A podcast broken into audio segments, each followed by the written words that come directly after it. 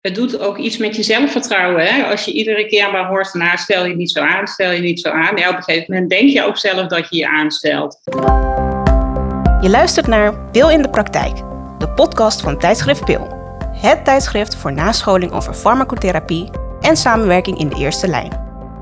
De presentatie is in handen van Daan van der Stap, huisarts in Vijfhuizen, en Nancy Overmars Zonneveld, apotheker in Assen-Delft. Hartelijk welkom bij Pil in de Praktijk. Mijn naam is Daan en ik presenteer deze podcast vandaag natuurlijk weer samen met Nancy. Hoi Nancy. Hoi hoi. Ja, we nemen weer een keer op op afstand door eigenlijk praktische omstandigheden. Tijdstip werd anders wel heel laat om nog helemaal terug te reizen, want we hebben natuurlijk ook gewoon een werkdag gehad vandaag. Ja, zeker. Hoe is het daar aan de andere kant van de lijn? Nou ja, eigenlijk uh, goed. Maar tegelijkertijd, uh, we zitten dus op afstand, omdat op een of andere manier post-corona alle agenda's weer compleet ontploft zijn. Ja. En uh, zowel privé als werk, ik helemaal gek word, is niet het goede woord, maar het is wel weer even een nieuwe modus waar ik weer, weer aan moet wennen. Op een of andere manier, die agenda die loopt echt helemaal over. Maar op zich heb ik wel weer zin in, want ik denk dat we een heel leuk onderwerp hebben voor vanavond. Of overdag, ik weet eigenlijk niet wanneer mensen dit luisteren natuurlijk. Um, maar goed, ja, uh, hoe is het bij jou? Ook uh, zo druk, denk ik. Ja, lekker druk ook. Maar uh, nou ja, wat jij zegt, herkenbaar. Vorige podcast was natuurlijk ook even zoeken ook met onze gasten die ook weer volle agenda's hebben. Van joh, vind maar eens een moment dat al die zorgprofessionals uh, allemaal uh, aan tafel samen kunnen zitten. Het zij digitaal en live wordt nog ingewikkelder. Dus uh, nou ja, we gaan gewoon volgende keer weer voor lekker gezellig aan een tafel ergens. Maar voor nu is het even prima zo, want we hebben inderdaad een leuk onderwerp. Mm -hmm. Ja, want de laatste editie van PIL staat natuurlijk in het teken van genderspecifieke farmacotherapie. En in de vorige podcast die wij opnamen, dus spraken we met uh, Marianne Abadier en met Loes Visser over hun artikel in PIL over farmacologische en farmacotherapeutische verschillen tussen mannen en vrouwen. Maar in deze pileditie staat ook een artikel over endometriose. En nou dat is nou precies waar we het vandaag over willen gaan hebben. Um, en dat artikel over endometriose, dat is ook getiteld Endometriose, lekker simpel. En dat is geschreven door gynaecoloog en endometriose specialist uh, Pille Pargmee van het Radboud UMC in Nijmegen. Ja, dus zij uh, heeft uh, de inhoud voor ons uh, verduidelijkt. En, maar we, we, hebben een gast uitgenodigd die ons weer gaat helpen bij de praktijk. We zijn tenslotte pil in de praktijk. En daarom vragen we strakjes of de voorzitter van de Endometriose Stichting, Bianca de Bie, bij ons wil aanschuiven. Um, ben wel benieuwd eigenlijk uh, hoe dat gaat zijn. We hebben eerder hebben we een, uh, iemand van een uh, belangenvereniging gehad. Dat was toen met Restless Legs. En dat geeft toch weer een ander inkijkje dan, een, dan de standaard zorgverleners die we soms aan tafel hebben. Dus leuk dat we haar zo strakjes erbij hebben. Ja, zeker. Ik ben ook wel benieuwd naar weer een verdieping een keer vanuit de belichting van de patiënt. Heel praktisch tenslotte ook. En wat ehm, gingen wij verder nou vandaag gaan bespreken, Nancy? Ja, nou volgens mij begreep ik dat de redactie van PIL heel hard op zoek is naar een enthousiaste huisarts. Uh, naast jou natuurlijk, want uh, jij bent al een hele enthousiaste huisarts in de redactie, maar ze zoeken er uh, nog eentje. Ja, dat is waar. Wat ik leuk vind ook aan de redactie, um, is dat je, PIL is best wel, net zoals onze podcast eigenlijk, het tijdschrift ook, inhoudelijk sterk, maar ook weer gewoon heel laagdrempelige springplank om aan je schrijfskills te kunnen werken. Uh, om je te kunnen verdiepen in onderwerpen die je nu helemaal zelf kan kiezen. Um, het is natuurlijk eerste lijn, dus de sky is the limit. Het is, uh, en ziekenhuisapothekers die doen natuurlijk ook alles in de breedte. Dus de, ja, onze uh, doelgroep van het tijdschrift en de podcast is gewoon heel geschikt om je breed te verdiepen. En ook ja, gewoon heel veel redactieleden komen erbij om schrijfskills op te bouwen. Um, zodat je eventueel ook weer ergens anders kan gaan schrijven in de toekomst, uh, inhoudelijk of um, opiniestukken. Want PIL staat natuurlijk van alles in, niet alleen inhoud, maar ook ander soort artikelen. En is ook, uh, wat ik begrijp, is dat, dat je ook als uh, klankbord gebruikt wordt, toch? Om te zien van, goh, wat vindt de lezer interessant om te lezen? Ja. Dus vooral ook jouw eigen input. Wat wil jij in de praktijk? Ja, de artikelen zijn natuurlijk heel geschikt vaak en ook onze podcast voor zowel huisartsen als apothekers. Maar in de redactie zitten nu heel veel mensen die als achtergrond apotheker zijn, van huis uit. Um, en die, ja, die, die zoeken, we zoeken juist ook hoe kunnen we het nog leuker en interessanter maken voor huisartsen. Um, dus ja, ben jij huisarts en enthousiast voor redactiewerk of wil je alleen eens meekomen snuffelen in een redactievergadering uh, om te horen wat houdt dat in? Uh, stuur dan vrijblijvend een mailtje naar podcast.pil-nascholing.nl Ja. En dan, uh, nou, we hopen van je te horen. Dat zou mooi zijn. Maar dan moesten we het nu volgens mij maar eens gaan hebben over endometriose. Dat gaan we doen. Ja, endometriose dus. Op zich een begrip wat, ik, uh, wat me natuurlijk niet onbekend is. En toch uh, heb ik het uh, artikel echt met aandacht gelezen, omdat ik me niet had gerealiseerd ten eerste om hoeveel vrouwen het ging. Het gaat wel om 10% van alle vrouwen. En de een heeft daar natuurlijk meer last van dan de ander. Um, maar vooral ook wat ik me totaal niet had gerealiseerd is dat dat weefsel, want dat is natuurlijk eigenlijk wat er aan de hand is, baarmoederweefsel wat nou ja, niet helemaal op de juiste plek zit. Um, en daar dus ontstekingsreacties veroorzaakt en pijnklachten geeft. Uh, ik had gedacht, nou dat zit dan inderdaad een beetje daar rondom in het bekken, een beetje uh, aan de buitenkant. Van de eierstokken of heel lokaal dat? Ja, nou ja, in ieder geval enigszins in de buurt. Uh, maar als je leest, het is echt best wel, ja, ik vond het echt wel heftig om te lezen dat het tot aan je longen, je darmen, overal aangeplakt kan zitten. Ja. En dat de klachten dan dus ook niet alleen blijven bij bekkenpijn, hè, of, of dat, het, dat het dus ook niet eens altijd rondom de menstruatie is. Want je kan je voorstellen dat op het moment dat al die hormonen spiegels weer stijgen, dat al die cellen ook weer actief worden en dat er dus allerlei ontstekingen ontstaan. Uh, dus dat het tijdens de menstruatie uh, ernstiger is. Uh, maar dat het dus uiteindelijk ook kan overgaan in een chronische vorm met chronische pijn. En dat je het dus echt wel heel anders moet gaan behandelen. En dat er dan ook multidisciplinaire teams bij moeten komen kijken om ja, dat het dan meer gaat van goh, hoe ga ik leven met endometriose? Omdat het dus niet te verhelpen is. Ja. Ja, dus ik was onder de indruk. Ja, precies. Jij zegt die, die, die eigenlijk, wat ze dan ook wel noemen, uh, lymfogene uh, of, of vasculaire metastase op afstand klinkt natuurlijk meteen heel maligne. Mm -hmm. um, maar dat, dat is nieuw voor jou, zeg je. En ook wel uh, dat het in een chronische vorm kan overgaan. Ik hoor jou zeggen, ik had het altijd cyclisch in mijn hoofd van elke maand cyclisch, daar ga je er wel aan denken. Yeah. Maar dat, ja, nou, grappig om te horen. Want ik vroeg me na het lezen van het artikel inderdaad wel af van, joh, voor jou als apotheker, wat, ja, hoe bekend is deze materie nou? Ik als jonge huisarts, want het is natuurlijk zo'n topic wat waar we steeds meer over weten, maar wat um, Pille ook beschrijft in haar artikel. Um, even voor de duidelijkheid, Pille, dus de auteur van het artikel, voordat ja, mensen denken, pil, pillen, wat, hoe zit het ook alweer? Ingewikkeld. Uh, de gynaecoloog die het artikel dus geschreven heeft, ja, ze geeft gewoon een hele mooie samenvatting. Voor mij als jonge huisarts, omdat wij het wel ook echt een, een middag uh, in de huisartsopleiding, in ieder geval op het AMC, uh, nou ja, kregen. Toen ik een, jaren geleden de huisartsopleiding deed, zat het er wel gewoon in. Yeah. Dus ik denk, elke jonge huisarts kent het wel, maar toch kwam ook ik wel echt veel ja, toch wel weer nieuwe dingen tegen. Maar was de prevalentie wel bekend bij jou? Dat het Jazeker, ja, want dat ja. dat wist ik echt wel, dat gewoon één of de tien vrouwen eigenlijk gewoon endometriose symptomatisch uh, heeft. Dus daar, daar was ik me zeker van bewust. Uh, die afstandsklachten, dus hè, die, dit hele lijst wat wordt genoemd, dat bij een, een, een recidiverende pneumothorax, klaplong, dat je eraan ja. moet denken, pijn in de schouderpunt, vermoeidheid. Uh, bloed ophoesten. Nou, dat weet je, ik denk daar nog steeds, denk ik, niet vaak genoeg aan in mijn differentiaaldiagnose, maar dat was me bekend. Ja. Maar ik kom toch wel leuke dingen tegen, ook van hoe kan ik het nou toch beter herkennen? Want ik was me dus heel bewust al van, ik mis het vaak.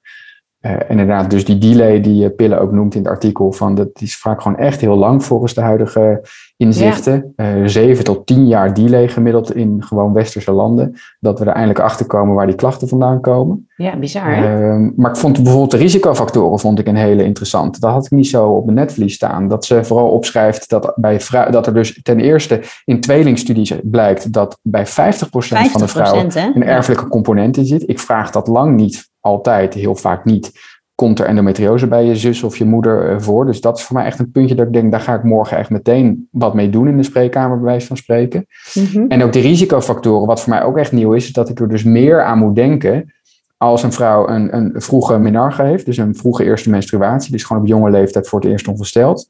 Korte cyclusduur, ik wist wel, die derde dan, lange en zware menstruatie, die heb ik in mijn systeem zitten. Yeah. Maar korte cyclusduur wist ik ook niet. Als een vrouw relatief uh, 21, 22 dagen zit qua cyclus, dat je dan er ook aan moet denken. Laag BMI. Um, laag BMI was ook nieuw voor mij. Dus ik dacht, oh, blijkbaar hebben jonge dames met zo'n uh, magere dames. Ja, dat zijn wel, wel nuttige dingen voor mij. Dat ik denk, nou, daar word ik toch weer, uh, weer scherper door. Yeah. En wat mij ook nog opviel is, vond ik ook wel grappig detail uh, over de beeldvorming die ze bij de diagnose stukje wat schrijft in het artikel. Ik vraag meestal na een, een, of verwijs naar de gynaecoloog met de gedachte dat ze een, een vaginale echo gaan maken. Yeah. Maar ik weet dat ze ook wel eens MRI's doen. En in mijn hoofd zit natuurlijk altijd, oh, MRI's zijn dan betrouwbaarder. Maar ik vond het ook wel weer heel leerzaam om te lezen dat de specificiteit om dus in het, in, het, in het kleine bekken, dat is natuurlijk niet op afstand, hebben we het dan over, maar echt lokaal, de endometrioseplekken. Ja. dat er dus de specificiteit bij echografie 99% is en bij MRI maar 79 procent. Dat is een groot verschil, uh, ja. Dat vind ik dan ook weer heel... Het zijn het kleine dingen... Dat, je, dat jij dat eruit haalt, want ik lees daar natuurlijk een beetje overheen. Uh, als, dat is minder relevant voor mij. Ja. Of tenminste, dat, is, dat haakt gewoon minder aan in mijn, uh, in mijn hoofd. Ja. Want ik was vooral ook weer een beetje getriggerd door de medicatie, uiteraard. En ik weet niet anders dan pijnstilling en ehm, nou ja, en de pil. Hè? Dus uh, om te zorgen dat die, uh, die schommelingen, dat cyclische een beetje onderdrukt blijft. En dat je op die manier, uh, nou ja, toch ook een heleboel kan aan, aan ja, symptoombestrijding in ieder geval kan doen. Ehm, maar je kan dus ook, en dat zijn natuurlijk wel uitzonderingsgevallen, kan je dus ook allerlei hormoononderdrukkers geven. Hè? Denk aan een, een Zoladex of een Lucrin. Um, dat zijn natuurlijk niet dingen die je zomaar doet en zeker niet bij jongere vrouwen, want dan krijg je natuurlijk ook weer alle bijwerkingen uh, van uh, nou, ja, precies alle klachten. En dan moet je dat uh, moet je weer hormoonsuppletie bijgeven om dat allemaal een beetje in balans te houden, ook om osteoporose te voorkomen bijvoorbeeld.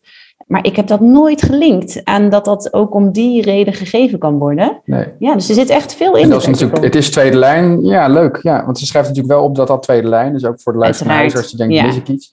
Maar ja, goed, wij komen natuurlijk uiteindelijk, omdat het een chronische ziekte is, komen jij en ik het bij onze patiënten uh, wel weer gewoon tegen in het dossier dat een vrouw ja. Gebruikt. En dan is het nou toch wel weer nuttig dat je denkt, oh, zou dat endometriose zijn? Ja. Dat vond ik ook een leuk stuk, ook, uh, ook verfrissend voor mij, dat ik dacht, oh ja, de, toch is goed om weer op een rijtje te zien. En dat vind ik dus ook wel weer geinig, dat we dan uh, allebei weer ergens anders op aanslaan in zo'n artikel. Of in ieder geval dat dat...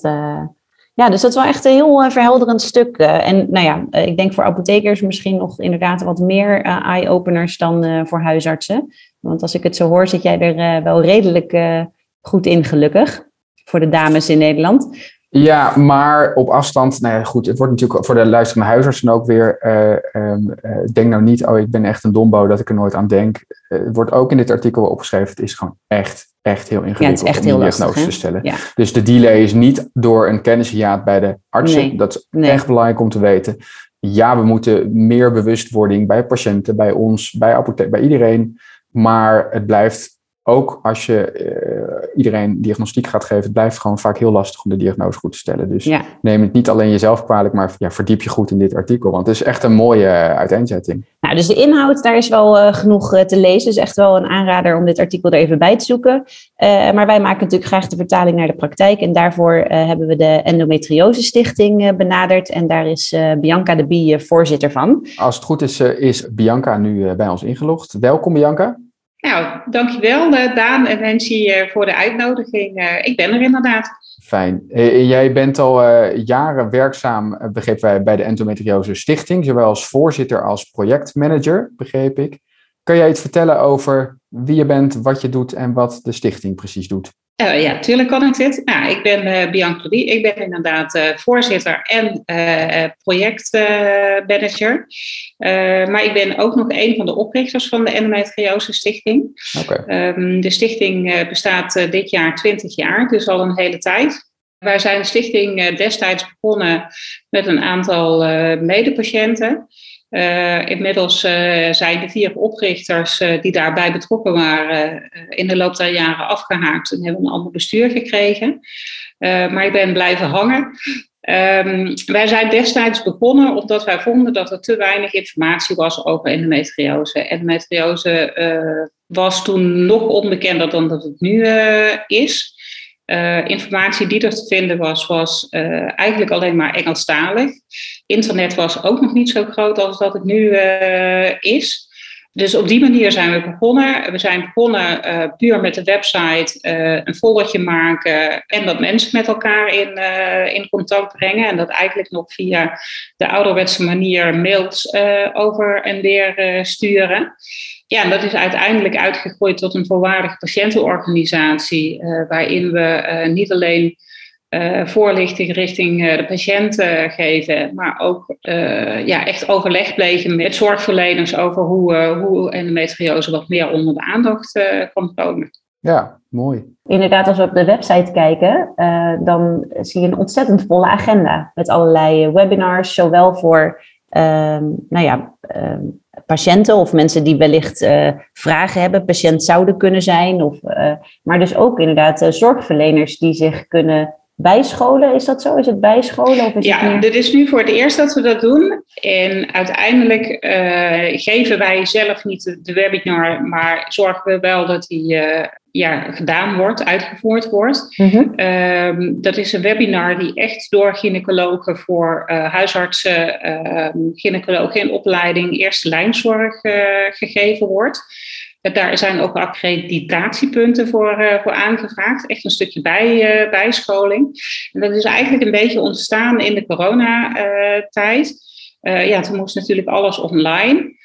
Daardoor zijn we ook ons eigen lotgenotenbijeenkomsten online gaan doen. Die deden we eerst in ziekenhuizen op locatie. Maar aangezien alles dichtging, ja, moesten wij ook een andere manier van communiceren uh, bedenken. Dus we zijn dat eigenlijk uh, via Zoom of via Teams gaan doen. Waardoor we meer uh, contactmomenten kunnen organiseren. En ik denk ook inderdaad een, een veel groter bereik, toch? Mensen zijn ja. veel sneller geneigd om even aan te haken digitaal dan ergens naartoe te reizen. Ja, klopt. Want ja, op de plekken waar, waar wij geen vrijwilligers hebben, uh, ja, daar waren ook geen bijeenkomsten. Uh, ja, dus er waren hele grote blinde vlekken uh, in Nederland, zeg maar. Ja, ja en dat, dat is natuurlijk opgelost doordat je dingen online doet. Je kunt ja, s'avonds even inbellen en geeft veel meer rust. voor zowel de vrijwilliger, maar ook degene die, die aanhaakt. En op die manier hebben we op een gegeven moment ook onze, onze landelijke voorlichtingsdag, die we normaal op locatie doen, via een webinar gedaan. En dat was eigenlijk heel goed bevallen. Die was voor de patiënt. En een van de artsen die daar uh, ook sprak, die had zoiets van, nou, dit moeten we ook voor, uh, voor de bijscholing gaan organiseren.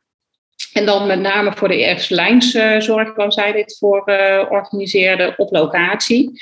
En uh, ja, op deze manier bereik je natuurlijk een veel grotere, grotere groep. En is uh, de bijscholing die in Amsterdam georganiseerd wordt ook toegankelijk voor de huisarts die in Groningen zit of in Zuid-Limburg. Ja, mooi hoor.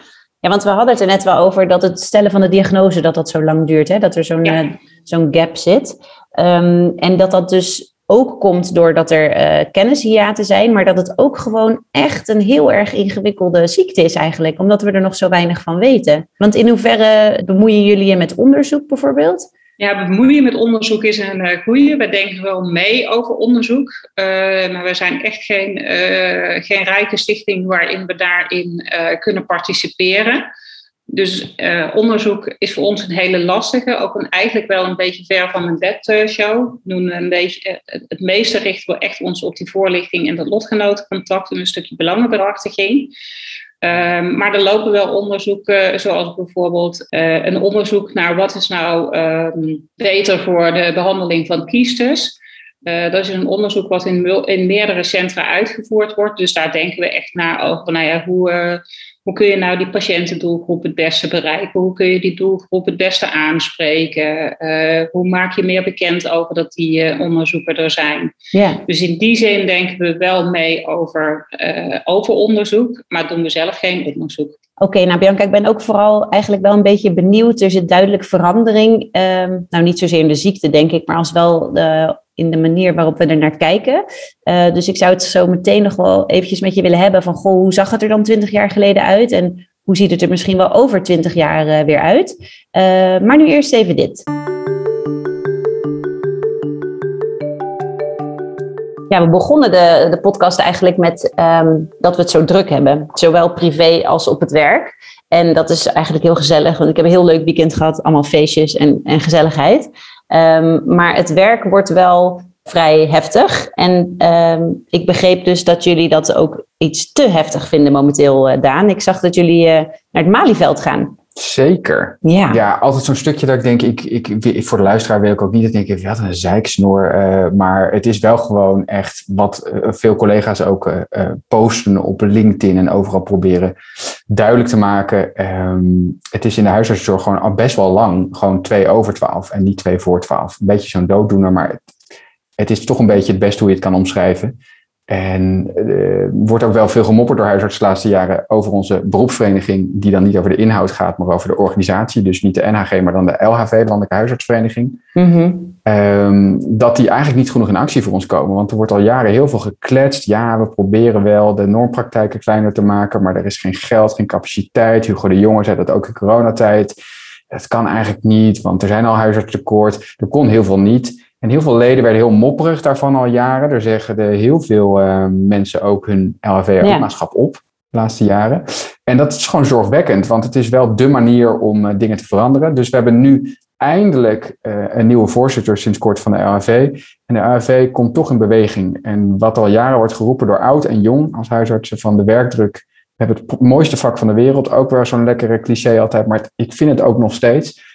Maar zo hou ik het gewoon niet vol tot mijn 65ste. Het is zoveel administratiedruk. En dat zijn natuurlijk niet wij alleen. Maar we worden natuurlijk ook steeds meer door de oplopende wachttijden in de GGZ, eh, bij specialisten, steeds meer op allerlei fronten het afvoerputje, het duizend dingen doekje van de zorg. Ja. Uh, ik ben met zoveel kul bezig op mijn werk. Want je zou ergens denken van, goh, ja, maar uh, vroeger, uh, toen moest je 60, nou weet ik veel, 100 uur in de week werken, want dan had je en 24 uur diensten en deed je alles alleen. En dat, dat leek me ook altijd heel heftig. Dat je denkt, ja, van, oh ja, je werkte toen wel lang, maar als ik ook van oud collega of gepensioneerd collega's hoorde van al, je was heel veel uur in de week aan het werk, maar je had mm wel tijd om echt met je patiënt in gesprek te gaan. Um, en dan had je ook wel eens haast. Dokters hebben altijd een drukke baan gehad en dan werd je weggebeld. Maar nu is het echt, je hebt altijd haast. En er zijn nascholingen al jaren, en daar word ik altijd een beetje pissig van. al jaren nascholingen dat je als huisarts het zelf doet als je het altijd druk hebt. En dan, dan hoe kan je zen worden en beter ja, ja, ja. tijdsmanagement. Time management, ja. Als, er gewoon te veel, als er te veel is. Weet je, als je mij ergens pissig mee kan krijgen, dat zijn het de nascholingen van LHV over time management. Ik snap dat ze het lief bedoelen, maar dan denk ik nee. Dat is niet de oplossing. We moeten het gaan hebben met de specialist in het ziekenhuis, met de GGZ, met de minister, met de zorgverzekeraar. Ik ben dus een, eh, een cursus gestart uh, met uh, dingen, getting things done. En het eerste, het eerste is, zeg nee. Zeg nee. zeg nee tegen dingen. Dus dat is wat jullie, dat, dat, is precies wat jullie willen als huisartsen. En dat zeggen we nu dus eindelijk. Ja. dat roepen we al jaren. We moeten nee gaan zeggen, we moeten protesteren. En dat gaat dus 1 juli gaan wij het Malieveld op. Dat is nu ook groot door de LV eh, bij ons, in ieder geval als leden aangekondigd. Dat we echt hopen dat de huisartsenposten in alle regio's die dag overdag open zijn. En we gaan dus echt voor het eerst in jaren, ja. dat doen we niet zo snel, alle huisartsen gaan gewoon het werk uh, neerleggen op 1 juli. Ja. Uh, en gaan met z'n allen naar Den Haag. Dus daarom, uh, nou ja, ik ga de spandoeken klaarleggen en schilderen. Ik moet alleen nog even goede teksten bedenken. Wel heel goed, want het kraakt aan alle kanten. Weet je, de hele zorg. Maar er moet gewoon, ik heb het idee uh, is een zo groot onderdeel van de zorg bij huisartsen. Dat wij natuurlijk ook een beetje uh, voelen van wij moeten ook voor jullie apothekers. Jullie zijn een kleinere club dan wij. We zijn met 11, 12.000 landelijk best wel veel mensen. We zijn ook met veel meer dan welke specialisme dan ook in het ziekenhuis. Want wij weten ook dat specialisten uit het ziekenhuis of GGZ niet met opzet eh, dingen bij ons parkeert. Heel vaak nee, nee, nee. dat doe ik even zelf. Maar die lopen ook over. Dus het is ook een beetje een symbolisch iets. Um, dat wij als huisarts zeggen, we zijn er gewoon eenmaal een hele grote club. Uh, maar zijn ook wel degene die nooit nee zeggen, maar ook nog nee. kunnen zeggen. Want die arme patiënt die het ziekenhuis of de GGZ of de apotheek... Staat wel weer bij jou in de spreekkamer. De apotheek is heel vaak niet te bereiken, want die hebben het ook heel druk. En uiteindelijk komen ze bij ons uh, binnenwandelen. Omdat de apotheek bij ons dan wat, wat, wat, verder zit. En overdag is het uitgiftepost niet open bij ons. Mm -hmm. uh, dus dat geldt voor alles. En dus nou ja, 1 juli, de dag um, dat het moet gaan gebeuren. Ik ben ja. juli. Uh, nou, heel goed. Vooral dat daardoor eindelijk in plaats van veel gepraat wordt, concrete plannen dan voor binnenkort op tafel liggen. Want daar, uh, ja, heel eerlijk, daar zijn we gewoon heel erg aan toe. Ja, nou heel goed dat we er eventjes eh, aandacht aan besteed hebben. Uh, wij staan achter jullie. Ik sta achter jullie. Ik spreek denk namens iedereen. We staan achter jullie. Ik, uh, op afstand uh, Mooi. Ik zet protesteer ik mee. Ik zet dat op een spandoek. Nancy staat achter mij. En dan, als het op NOS komt, dan is mijn dag, is mijn dag goed. Dat is mooi. Nou, we zijn weer even terug uh, bij uh, de endometriose, uh, samen met Bianca de Bie als voorzitter van de Endometriose Stichting. En we hebben het net al eventjes kort gehad over jullie rol. Um, je hebt verteld dat het de stichting al twintig jaar bestaat dit jaar, dus is ook een soort jubileumjaar voor jullie. Um, wat is er in die tijd veranderd? De ziekte niet, denk ik, maar de omgeving wel. Klopt, uh, de ziekte is zeker niet veranderd. We weten misschien uh, wel net weer wat meer dan dat we twintig jaar geleden uh, wisten. toen ik de diagnose kreeg, ben ik het letterlijk in een woordenboek of in een encyclopedie gaan opzoeken wat het dan was. Nou, daar stond in dat het bij vrouwen van middelbare leeftijd ontdekt werd waar de baarmoeder uitgenomen werd. Nou, Gelukkig is dat niet meer uh, zo. Dus in die zin is er echt wel iets uh, veranderd. Dat is wel een groot verschil, ja. Ja, dat is echt een heel groot verschil. In mijn tijd dat ik de diagnose kreeg, ik ben in 2001 gediagnosticeerd, uh, werden operaties met name bijvoorbeeld nog heel veel met de open buik gedaan. Er werd echt, als er een grote operatie gedaan moest worden, werd er een laparostomie gedaan. Dus op, uh, op het behandelniveau is er echt zeker veel veranderd. Tegenwoordig uh, gebeurt dat uh, eerder uitzonderlijk dat er met de open buik geopereerd wordt omdat het regel is. Ja, heel ingrijpend, toch? Ja, vind ik ja, wel heftig. Ja, ja, zeker, zeker. Dus daar is zeker iets in veranderd. Twintig jaar geleden waren er drie artsen die zich bezighielden met de endometriose. dus drie ziekenhuizen verdeeld over het hele land als je daar al terecht kwam. Uh, tegenwoordig uh, zijn er 21 ziekenhuizen waar echt een aandachtsgebied uh, is. Echt meerdere, meer, meerdere gynaecologen zeg maar, die binnen dat ziekenhuis met de endometriose bezig zijn. Een multidisciplinair team hebben waar ook een uroloog, een darmchirurg bij betrokken is. Meerdere aandachtsvelden uh, daarmee bezig zijn. Dus dat is zeker een verbetering. Er is tegenwoordig ook binnen de uh, NVOG een werkgroep uh, die bezig is met endometriose. Die bestaan nu tien jaar. Twintig jaar geleden was de diagnosetijd 13 jaar. Nou, inmiddels is die 7 jaar. Dus op zich is er zeker wel veel veranderd. maar er is ook nog wel een lange weg om ja, om mee verder te gaan, zeg maar. Want hoe zie, je, hoe zie jij dat, Bianca? Want je hebt natuurlijk die hele twintig jaar, zoals je zei in de, in introductie, uh, al meegemaakt, vanaf de opzet van de stichting. Ja. In twintig jaar is er gelukkig dus al stappen gemaakt, maar jullie bestaan niet voor niks nog steeds. En jullie organiseren niet voor niks ook binnenkort de nascholing en webinar voor huisartsen.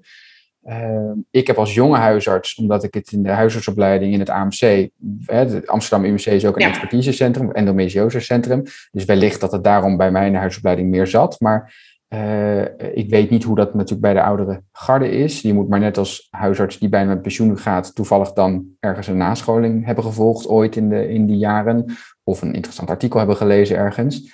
Uh, wat, wat hopen jullie voor de komende twintig jaar? Heb, heb jij een visie van uh, zo moet het worden? Nou, zo moet het worden. Het is misschien een beetje dingen. Wat ik zou willen, ja. um, is dat de diagnosetijd gewoon uh, veel sneller gaat. Laten we zeggen dat iedere vrouw die zich meldt bij de huisarts met flinke menstruatieklachten binnen een jaar gewoon een diagnose kan krijgen. Daar is een stukje werk voor bij de patiënt zelf wij als patiënt zijn ook een beetje opgevoed met het idee van, nou ja, weet je, menstruatieklachten horen erbij, niet zeuren aanstellen, pijnstiller erin en doorlopen. Mhm. Ik denk dat we daar een beetje vanaf uh, moeten. Uh, maar die vrouw die zich nu meldt bij de huisarts, uh, daarvan zien we dat die gewoon nog niet snel genoeg wordt doorgestuurd, niet serieus genomen wordt misschien in een bepaald opzicht. Mhm. zeker hè, wat je aangaf als je de wat oudere huisarts treft. Dus daar mag het stukje doorverwijzen wel een stukje sneller. Um, wat we afgelopen twintig jaar hebben zien veranderen, dat die aandacht binnen de gynaecologie wel heel veel groter is geworden. Um, dus ja, ik denk dat de komende twintig jaar de huisarts uh, aan de beurt is om daar uh, ja, die versnelling uh, in te zien. En nou ja, laten we het dan geen twintig jaar duren voordat we die, uh, die tijd uh, van snellere diagnose hebben. Ja, we hebben nu internet, hè? Het gaat, wat dat precies, betreft, precies. Is het, echt, knap dat jullie dat eigenlijk, uh, ja, ik weet niet, met huis- en huisblaadjes voor elkaar gekregen hebben eigenlijk. ik weet het, niet was maar... toen nog in, het was toen in de opstarten van het internet. Het internet was wel nog met inbellen. Ja. Dus je moest wel van tevoren bedenken wat je dan wilde opzoeken of wilde plaatsen. Uh, ja, maar goed, het internet heeft daarin wel heel erg geholpen. Want uh, ja, de wereld is een stukje kleiner geworden uh, daardoor. Ik moet een beetje om mezelf lachen, want ik denk dat twintig jaar geleden heel lang geleden is. Maar toen was ik zelf ook al twintig. Ja. het gaat allemaal iets sneller. het gaat allemaal iets sneller dan ik dacht. Ik ben iets ouder dan ik dacht. Um, maar goed, het, het, is ook wel weer grappig om te horen dat... volgens mij hebben we zelfs in de vorige podcast hebben we het nog gehad over dat toen ging het vooral over man-vrouw verschillen en farmacotherapie. Dat het ongesteld zijn dat dat gewoon uh, inderdaad, dat hele taboe, het hoort erbij en dat is het. Niet zeuren. En dat er, nou ja, we hadden het volgens mij in Spanje, kan je nu verlof krijgen. En het feit dat die discussie gevoerd wordt, dat is natuurlijk wel heel erg belangrijk. En dat er, er zit wel een kentering in. Dat, uh... Ja, ik denk zeker dat het heel goed is dat die discussie nu, uh, gevoerd wordt. In Spanje heb je, uh, is dat verlofdagen voor menstruatieverlof, hebben ze het geloof ik genoemd, willen ze gaan invoeren. In Frankrijk heeft president Macron aangekondigd dat er een endometriose-campagne moet komen. Ja. Hier in Nederland zijn de Kamervragen gesteld aan de minister Kuipers over, nou ja, goed, waarom staat deze ziekte gewoon nog steeds in zo'n onderbelicht daglicht. Moet daar niet meer aandacht voor komen. Um, en dan is het niet, denk ik, alleen endometriose, maar vooral het taboe over menstruatieklachten. Kijk, hevig menstrueel bloedverlies is ook niet fijn als je op je werk zit en je moet ieder uur naar de wc omdat je moet verschonen. Mm -hmm. Dat werkt ook, ook niet fijn. En uiteindelijk moet de vrouw zich ervan bewust zijn dat, je, dat eh, menstrueren vervelend kan zijn, maar ook niet meer dan dat. Um, op het moment dat het je beperkt, moet je, moeten we gewoon met z'n allen bewust ervan zijn dat er dan meer aan de hand is. Dat je dan op zoek moet naar waarom is het dan zo vervelend en waarom word je er ziek van en waarom lig jij drie dagen op de bank omdat je niet kunt, uh, kunt functioneren. Want die maatschappelijke impact is echt groot, hè?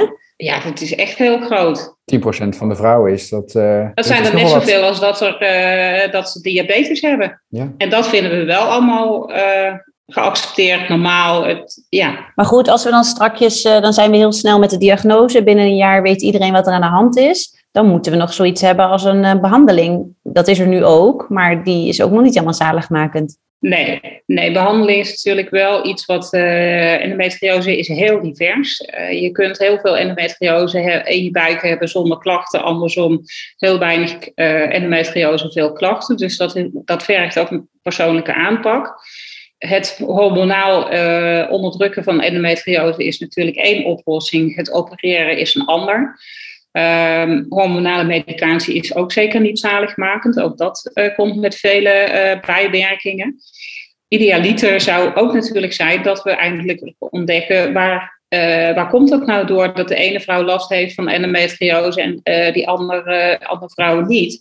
En ik denk dat op het moment dat er een oorzaak ontdekt wordt, als je daar, als je daar meer van weet, dat je ook beter kunt zoeken naar uh, ja, wat is dan een goede medicatie die daar, uh, daarbij past? Op dit moment zijn het eigenlijk natuurlijk alleen maar... Uh, symptoombestrijders. Ja, ja labmiddeltjes, ja. onderdrukkers. Ja, symptoombestrijders inderdaad.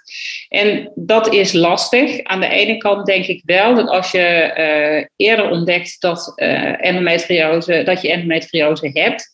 je ook wel sneller op zoek kan naar iets wat, naar een behandeling die bij je past.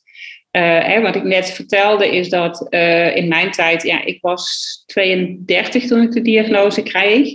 Uh, maar mijn klachten zijn ergens in mijn puberteit begonnen. Ik weet ook dat we toen dat gesprek gevoerd hebben. En toen zei die arts, ja, nee, dat kan niet. Endometriose bij pubers, dat, dat bestaat niet. terwijl we daar nu heel bewust mee bezig zijn. Dat we eigenlijk al weten dat zeker in die groep... Um, heel veel uh, jonge meiden al die endometriose aan het ontwikkelen zijn. En als je die inderdaad zeven jaar lang al laat doorlopen, uh, ja, dan krijgen ze een diagnose ergens rond hun 25ste, 27ste.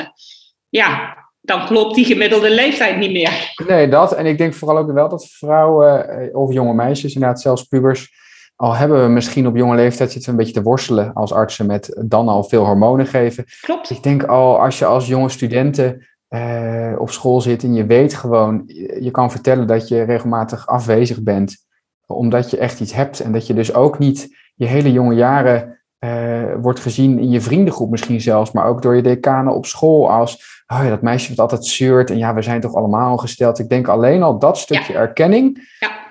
Um, toch dat dat, ja. ja. weet je, het blijft lastig. We moeten gewoon echt betere behandelopties krijgen, maar ik denk al de erkenning voor een dame dat ze weet, een jonge dame, dat ze zich niet aanstelt, maar dat er gewoon echt medisch gezien iets is, dat dat al zoveel uh, prettig tussen aanhalingstekens en, en, en ja, jeugd- ja, ja, en adolescentenjaren kan doorbrengen. Het doet ook iets met je zelfvertrouwen. Hè? Als je iedere keer maar hoort van, nou, stel je niet zo aan, stel je niet zo aan. Ja, op een gegeven moment denk je ook zelf dat je je aanstelt. Ja. Uh, dat kan ik me uit mijn eigen puberteit, uh, jongvolwassenheid ook nog wel uh, voorstellen. Totdat ik op een gegeven moment flauw viel van de pijn. Dus toen dacht ik, nou, misschien stel ik me toch niet aan.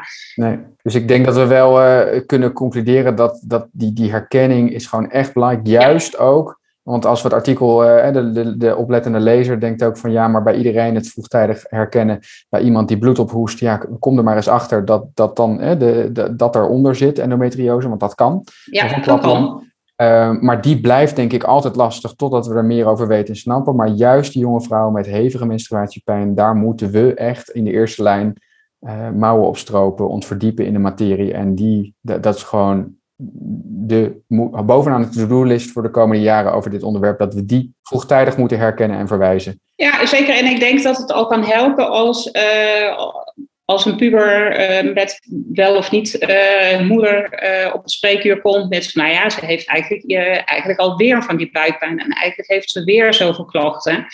ga eens naar hoe, hoe, hoe cyclisch die klachten zijn. Ik zie dat in mijn omgeving ook wel nu uh, kinderen in de leeftijd die ook pubers zijn, maar ook pubervriendinnen, waarvan je dan hoort van, oh ja, weer zo'n buikpijn. Uh, als je dan gaat vragen van, ja, maar houd eens bij. Wanneer heb je dat dan? hoeveel dagen heb je dat dan? En als je dat gaat bijhouden, dan krijg je er wat meer inzicht in. niet als zijn als jonge meid zelf natuurlijk, maar ook als moeder. Maar dus ook als huisarts eh, is dat een eerste signaal. Nou, ik denk dat dat gewoon een, mooie is. Uh, we hebben al uh, plasdagboeken, wat elke jonge huisarts en ouderen denk ik ook laat invullen. Hoofdpijndagboeken. Maar ik denk zeker bij jongere dames en adolescenten een, een buikpijndagboek. Helemaal geen gek idee. Het kan gewoon heel simpel. In je, de, de, meeste telefoons hebben het standaard uh, op een app. Dus, uh... Nou, dan pleit ik ook voor dat dat maar eens inderdaad met goed... Uh, ik zag dat jullie nascholing, dat daar ook kaderhuisartsen bij zijn betrokken van de urogynecologie. Ik denk dat dat ook een mooi iets is waar, waar we aan moeten werken. Dat de thuisartsfolders duidelijk worden. Um, want daar werken huisartsen tenslotte ook vaak mee. Ja. En dan uh, kunnen we later weer, als we het allemaal hebben gevonden, kan Nancy aan de slag met, uh, met al die medicatie met medicatie. Dan hopen we er ja. wat aan te doen. Ja. Wel echt uh, fijn om ook vanuit jullie kant te horen dat het gewoon, het is echt urgent. Hè? Er moet, er moet meer aandacht voor zijn. Dus ik dacht, ik uh, geef je nog even een klein uh, beetje podium om reclame te maken. Uh, waarom of wie moet er allemaal op jullie website komen kijken? Of wat? Ik zag dat er zelfs een, een testje was om te kunnen kijken of je wellicht endometriose hebt. Ja, klopt. de test wordt ook heel veel ingevuld. We gaan ook binnenkort, want we hebben nog een, een andere website ongewoon omgesteld. Die wordt gerestyled en een beetje aangepast aan deze tijd. En daar komt ook een soort uh, chatbot in. Met name voor de, de jongere, uh, jongere doelgroep. Uh, van, goh, als je nou menstruatieklachten hebt, hoe ervaar je dat? En uiteindelijk kom je natuurlijk gewoon bij de informatie op de website uit. Maar dat maakt het wat, wat laagdrempeliger. Mm Dus ja, ik denk dat dat ook zeker een, een goede tip is voor de huisarts. Om mensen daar naar te verwijzen. Zeker de jongere uh, doelgroep. ja, ik zou zeggen, op het moment dat je echt maandelijks buikpijn hebt en denkt, nou ja, dit klopt niet, kijk dan zeker eens bij ons op de website. Ja, nou en wellicht ook van apothekers toch? Want ik, ik denk dat er regelmatig mensen de apotheek binnenlopen met, met, ik wil graag een doosje ibuprofen voor mijn dochter met ongesteldheid, of hebben jullie iets anders? Komt dat vaak voor Nancy? Of, Jawel, ja. ja toch? Ik denk, als jullie kunnen ook zeker verwijzen naar zo'n uh, zo'n test of de website wat je noemt. Ja, absoluut. Ja. En de Alif, ja. die iedere, iedere keer frequent gekocht wordt, denk ik. Ja, mooi Bianca. Veel dank voor je bijdrage. Ik denk dat onze luisteraars er zeker ook iets aan hebben. En die vindt het ook gewoon heel leuk en verdiepend om een stukje geschiedenis van nou, jou als voorzitter, maar ook ja, vanaf het begin al daarbij, maar ook van een ervaringsdeskundige, omdat je tenslotte ook patiënt bent. Dus ik denk uh, heel uh, nuttig en uh, leuke verdieping om met jou hierover in gesprek te gaan. Dank voor je, voor je bijdrage. Jullie dank voor de uitnodiging. Leuk om op deze manier aandacht aan te besteden. Veel succes met de stichting. Dankjewel. Oké. Okay. Doeg. Doeg. Wil je naar aanleiding van het interview met Bianca meer lezen over endometriose? Lees dan de eerste editie van 2022 van het tijdschrift Pil. Ga naar www.pil-nascholing.nl voor meer informatie of om de geaccrediteerde e-learnings bij deze editie te maken. Nou Nancy, eh, de aflevering zit er alweer op. Ik heb uh, wel, ja, toch wel veel geleerd vandaag. En wat ik zei, ik vond het ook echt weer leuk om eens met iemand van de patiëntbelangenvereniging te praten. Want het geeft toch een andere dimensie aan zo'n gesprek. Ja, de impact is gewoon duidelijk. Hè? Dat je denkt, je weet voor wie je het doet. Maar dan toch ja, wordt de urgentie toch weer duidelijker. Ja, het is ook leuk om een gynaecoloog in de uitzending te hebben. Maar dan denk je toch als huisarts weer, ja, maar ik doe al zoveel. Uh, kan er ook nog wat bij. Maar als je dan toch zo iemand vol passie die al twintig jaar bij zo'n patiëntvereniging, denk ik, oh ja, daar doe ik het voor. Het is echt belangrijk. Dagelijks klachten, jonge vrouwen, oudere vrouwen. Echt leuk. Ja, en dan uh, wordt het ook tijd om af te sluiten, want we moeten ook een beetje ontspannen hè, in deze drukke tijden. Toch, Daan? Ja, ik heb nog uh, veel tijd nodig om mijn spandoeken te schilderen. ja, dus, uh, precies. Ja. Ik ga hem nog eens even terugtrekken zo en boos maken met een mooi wit laken. Nou, heel goed. Nou, we hopen dat jullie in ieder geval even hebben kunnen ontspannen tijdens het luisteren van deze podcast, want dat moet het natuurlijk ook een beetje zijn. Uh, wil je reageren op deze aflevering of jouw ervaringen uit de praktijk delen, dan kan dat via podcast.pil-nascholing.nl. Wil je meer informatie over het tijdschrift Pil en het behalen van de nascholingspunten met het blad, dan kun je terecht op www.pil-nascholing.nl. Alvast een fijne zomer en uh, tot daarna. Ja, fijne zomer. Leuke afsluiting. Klinkt goed, hè? Je luisterde naar Pil in de Praktijk, de podcast van tijdschrift Pil. Het tijdschrift voor nascholing over farmacotherapie en samenwerking in de eerste lijn. Pil verschijnt vier keer per jaar in de vorm van een papieren tijdschrift en geaccrediteerde e-learnings. Ga voor meer informatie en abonnementen naar www.pil-nascholing.nl